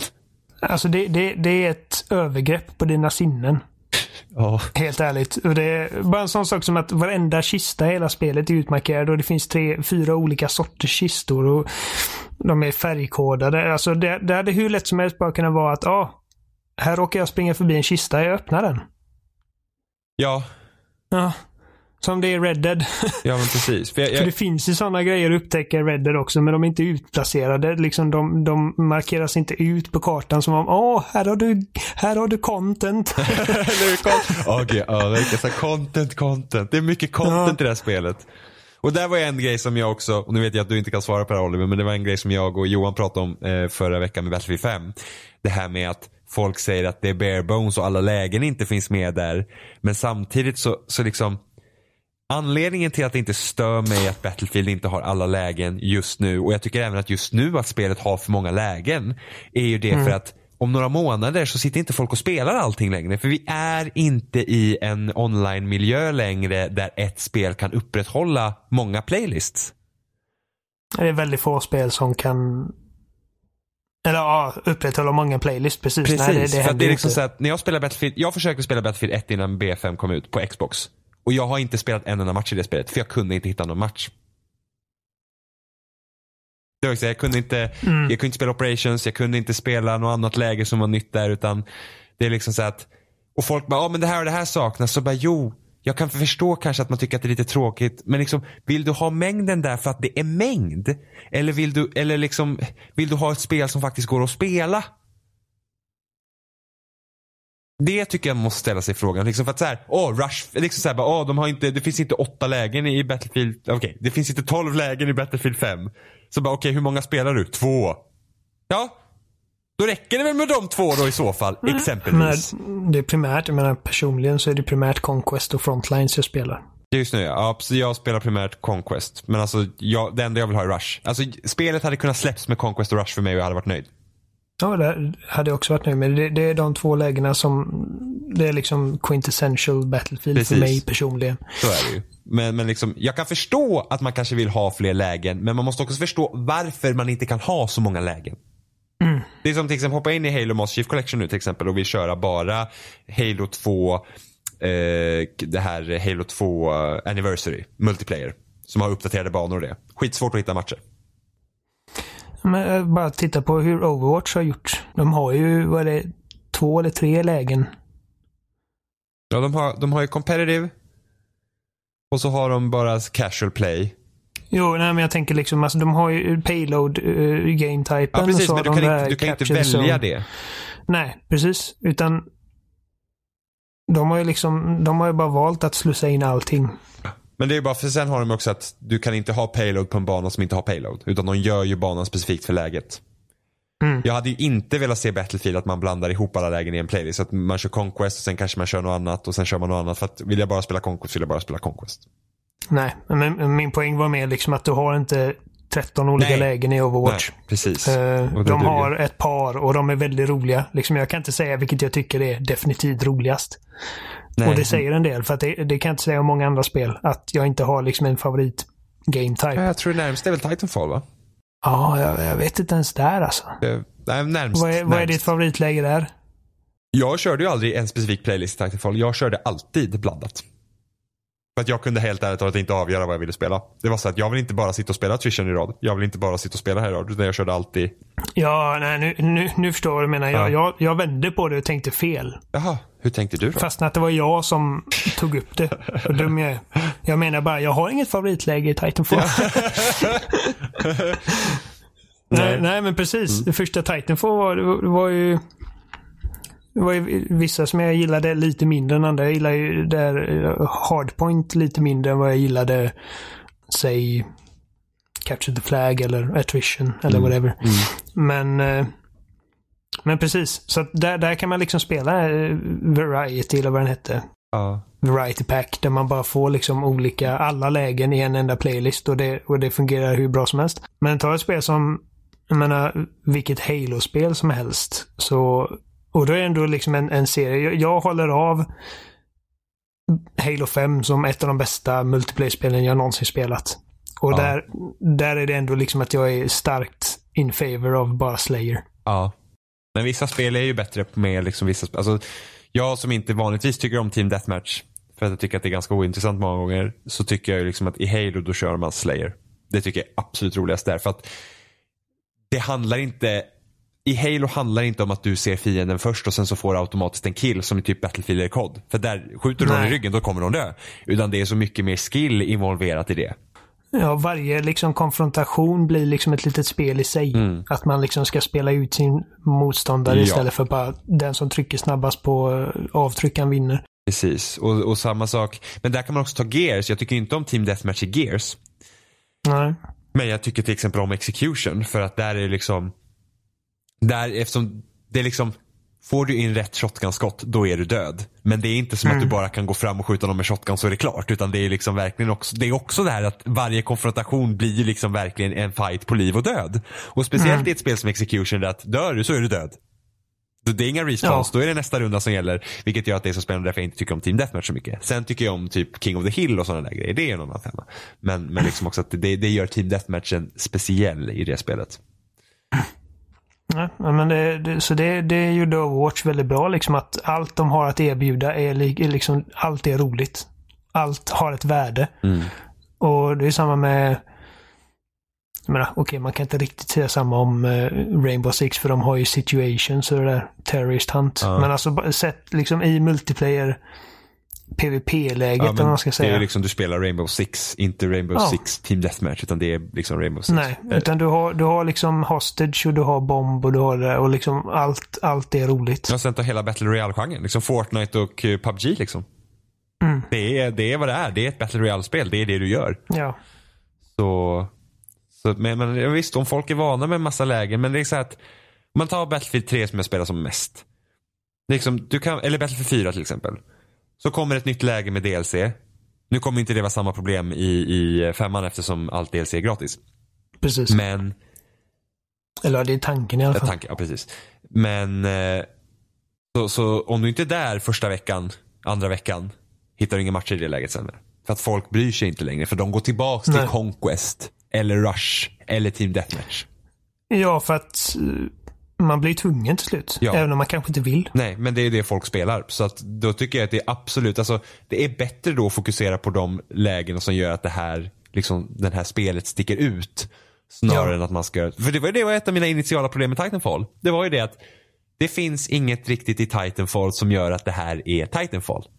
Liksom vad är, vad är det för läge i Titanfall som är Titanfall som inte är som någonting annat? Mm. Uh, och det, det, var väl typ, det mesta var väl så här Titan Hunt, nej vad hette det? Jo, het, vad, vad hette Last Titan Standing. Last Titan Standing som var liksom mer speciellt. Men det är fortfarande så att det är inte riktigt, det utmärker alltså, sig inte på det sättet. Det är ju i princip elimination. Att Precis. man ska rensa ut i andra laget. Precis, så att inför Titanfall 3 hade det varit skitspännande att se om man hittat på verkligen ett specifikt, liksom objektivt, objektbaserat mm. Eh, läge som är för Titanfall. Ja. Men det är alltså, jag kommer alltid liksom vara en stark... Alltså jag kan inte svenska.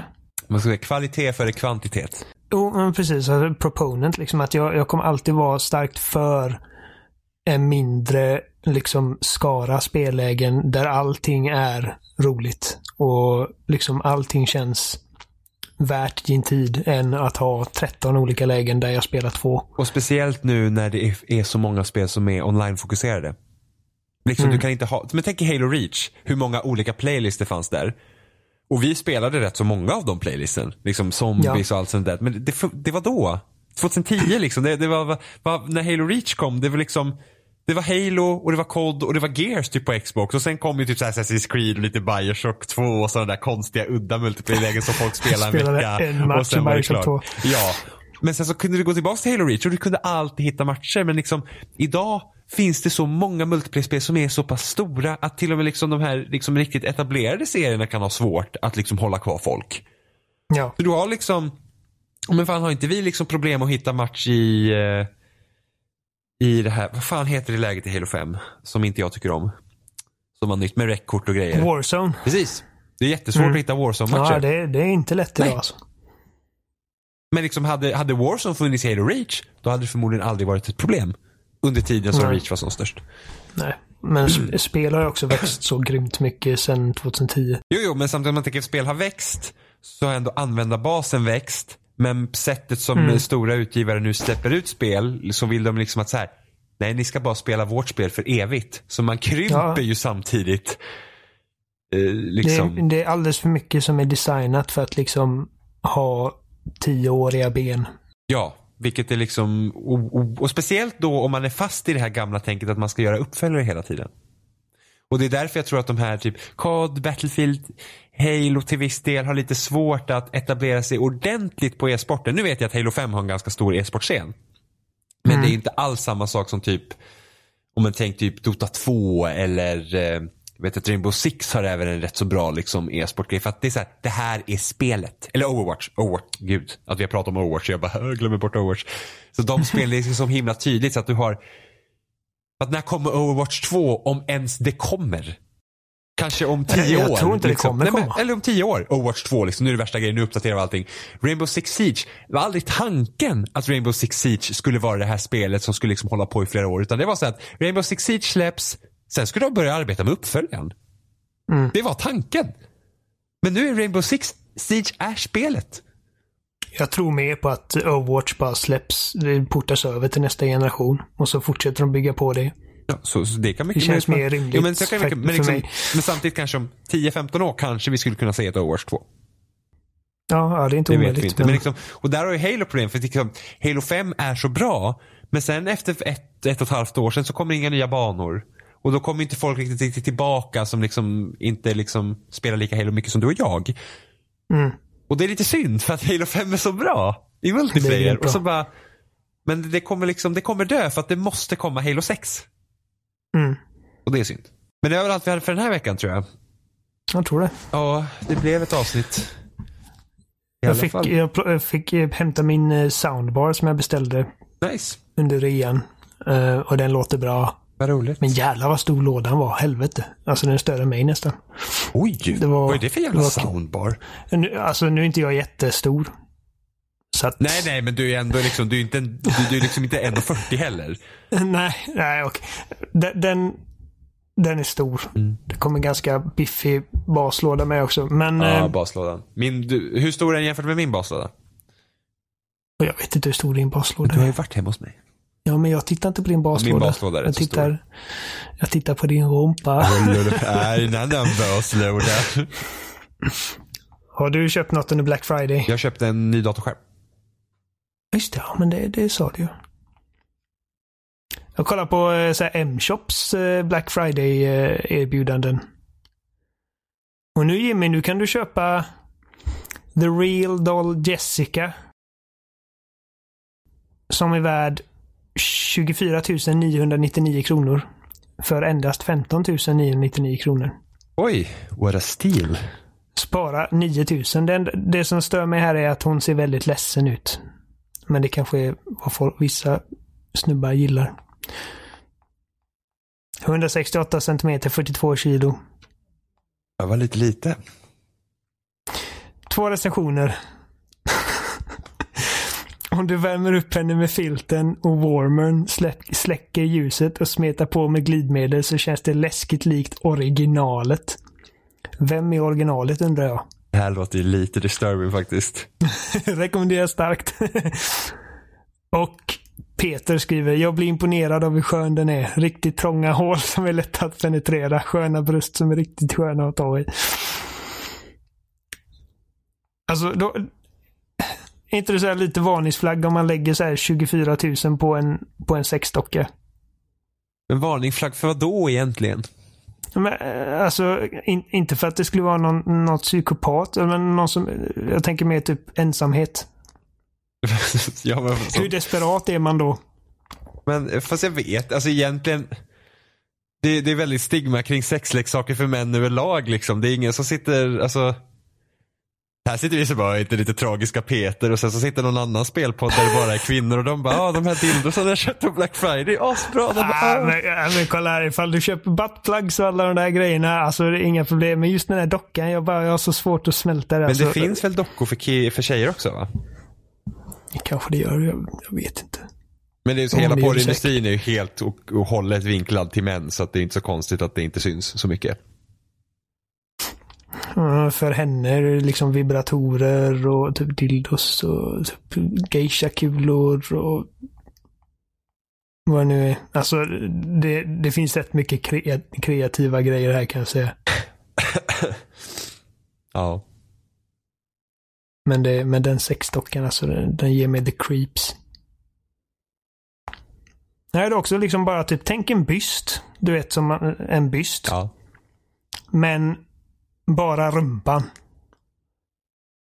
Och den heter Agneta. Så Ikea liksom. namn. Agneta Pussy. Okej. Men med de orden så hittar ni oss som vanligt på spelsnack.com. Där hittar ni också länkar till alla andra ställen vi finns som YouTube på YouTube pod, nej YouTube podcast, Spelsnack podcast. Vi heter Spelsnack podd på Twitter. Vi finns också på loading.se där ni kan gå in och också kommentera. Ni kan skicka mail till spelsnack, nej, info spelsnack.com. Jag gör inte det tillräckligt ofta för att jag ska kunna allt det här i huvudet. Också på Instagram, ett spelsnackpodd tror jag det är.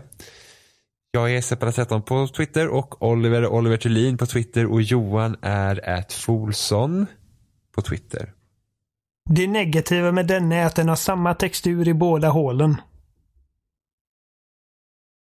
På Ja, Agneta alltså. Agneta. Och Vilket nedköp. Här finns det en som heter Barbro. Den kanske är bättre. Varför har de så fula namn? Jag tycker det är Okej, asroligt. jag ber hemskt för, om ursäkt nu om någon Agneta eller Barbro lyssnar på podden. Usch, förlåt mig, men liksom ändå. Agneta och Barbro. Agneta och Barbro på sexleksaker. Ja. Ja, nej. Ursäkta min weirdness. Börjar prata om ja, men det är sånt. samma sak som att döpa en dildo till Jimmy. Det låter ju liksom inte så jättespännande. Ja, men det blir typ Roger och Orvar. Anders, Anders, Olle, Kalle, Karl. Dildon Karl. ja, ja. Men vi hörs igen nästa vecka och då blir det Smash Talk. Just det, det är för fan på fredag. Det är sjukt. Jag är fan aspeppad. Det Och du bli... kommer ut på torsdag. Det Det, gör jag.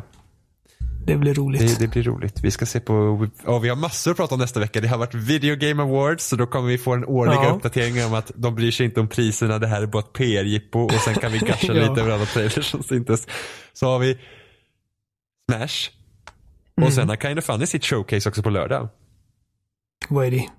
Eller vadå Ja, showcase? När PSX inte blev av i år så gick Greg Miller ut på Twitter och bara ja ah, men vi kan ha en presskonferens och den har tydligen blivit ganska stor så det kommer vara massa typ spel som ska visas där också. Seriöst? Ja men typ med, med typ indie-titlar och sådana grejer så det är inte liksom så här massiva grejer men ändå. Det är, Ja, det är sjukt imponerande. Kul för dem. Ja. Att de har sånt reach liksom. Ja ja ja. Så, att det, så det, det ska, det, där kan man säkert se något intressant. Ja. Men- Ska även se St- äh, Star is Born på bio. Det ska vi också göra. Fast även om inte... Ja, ja nej. Det är ju inte spel. Men, Gagga och Kuppan vet du. jajamän. Kommer, första gången jag såg Bradley Cooper var i Alias. Alias. Deep. Tänk att han blir liksom så stor Hollywoodstjärna då. Ja, men det är kul när man kollar upp på många av de här liksom stora stjärnor idag och liksom kollar vad, vad var det första rollen de gjorde. Ja. Men alltså, o- Typ, han- alltså, ofta när jag tittar på så här, om på gamla serier som jag tittar om på House eller man ser typ Grey's Anatomy eller någonting sånt. Något gammalt avsnitt. Och så tittar man så här bara, den där liksom så här gueststarn i den här, den, den här människan som nu var liksom sjuk i det här avsnittet. Vad gör den idag? Och sen blir man lite ledsen när man ser typ att så här credits har liksom försvunnit bort. Så nu när jag håller på att titta om på Harry Potter-filmerna till exempel så tittar jag så här. Han som liksom spelar så här Lord Voldemort i film två. Vad har han gjort sen dess liksom? Eller vad har den här lilla eleven här bakom gjort? Har den gjort något speciellt liksom efter det? mm. Är Baby-Harry från första filmen kvar i industrin? Vill du se något deprimerande kan du gå in på IMDB-sidorna för skådisarna som gjorde typ Sunset Beach och sånt. ja, fast en av de Sunset Beach-skådisarna är ju faktiskt med i Grey's Anatomy. Från då. Ja, okej. då, då. ja. Men annars, En. ja. Vad hette, jag Ja, kommer men inte ihåg. typ alltså, eh, visste du att eh, Matthew McConaughey och uh, Renee Zellweger var med i en film som heter The Texas Chainsaw Massacre The Next Generation från 95? Oh my fucking god. Googla, googla Matthew McConaughey Chainsaw Massacre på YouTube. Alltså han är helt galen den filmen. Gud. Fan, när, när ska han komma med någon ny film? Eh, han har säkert någonting Han på gick gång. ju igenom det här med Reconnaissance för några år sedan. Ja. Han blev så himla bra. Och sen så här, nu, Ja. va, när, när är nästa McConaughey-film? Jag kollar här på IMDB nu. Uh, han gjorde något som heter... Ja, han gör något som heter Serenity nästa år. Och i år har han bara gjort något som heter White Boy Rick. Och sen har han The Beach Bum, The Billionaires Vinegar, Born to Run och Tough Guys på väg. Vad är, vad är Jonathan Nolans nästa film? Jonathan Nolan. Nej. Tänker du Chris Nolan? Ja, den andra. Christopher Nolan. John, det är roligt att du tänker Jonathan före Christopher. Ja men det var bara för att, det, men det var för att jag typ Jo men det, jag lyssnade på en podcast som pratade om person of interest och den var, skrev Jonathan Nolan. Mm, han brukar ju ha en credit på manuset i Chris-filmen Ja, också. de brukar skriva tillsammans.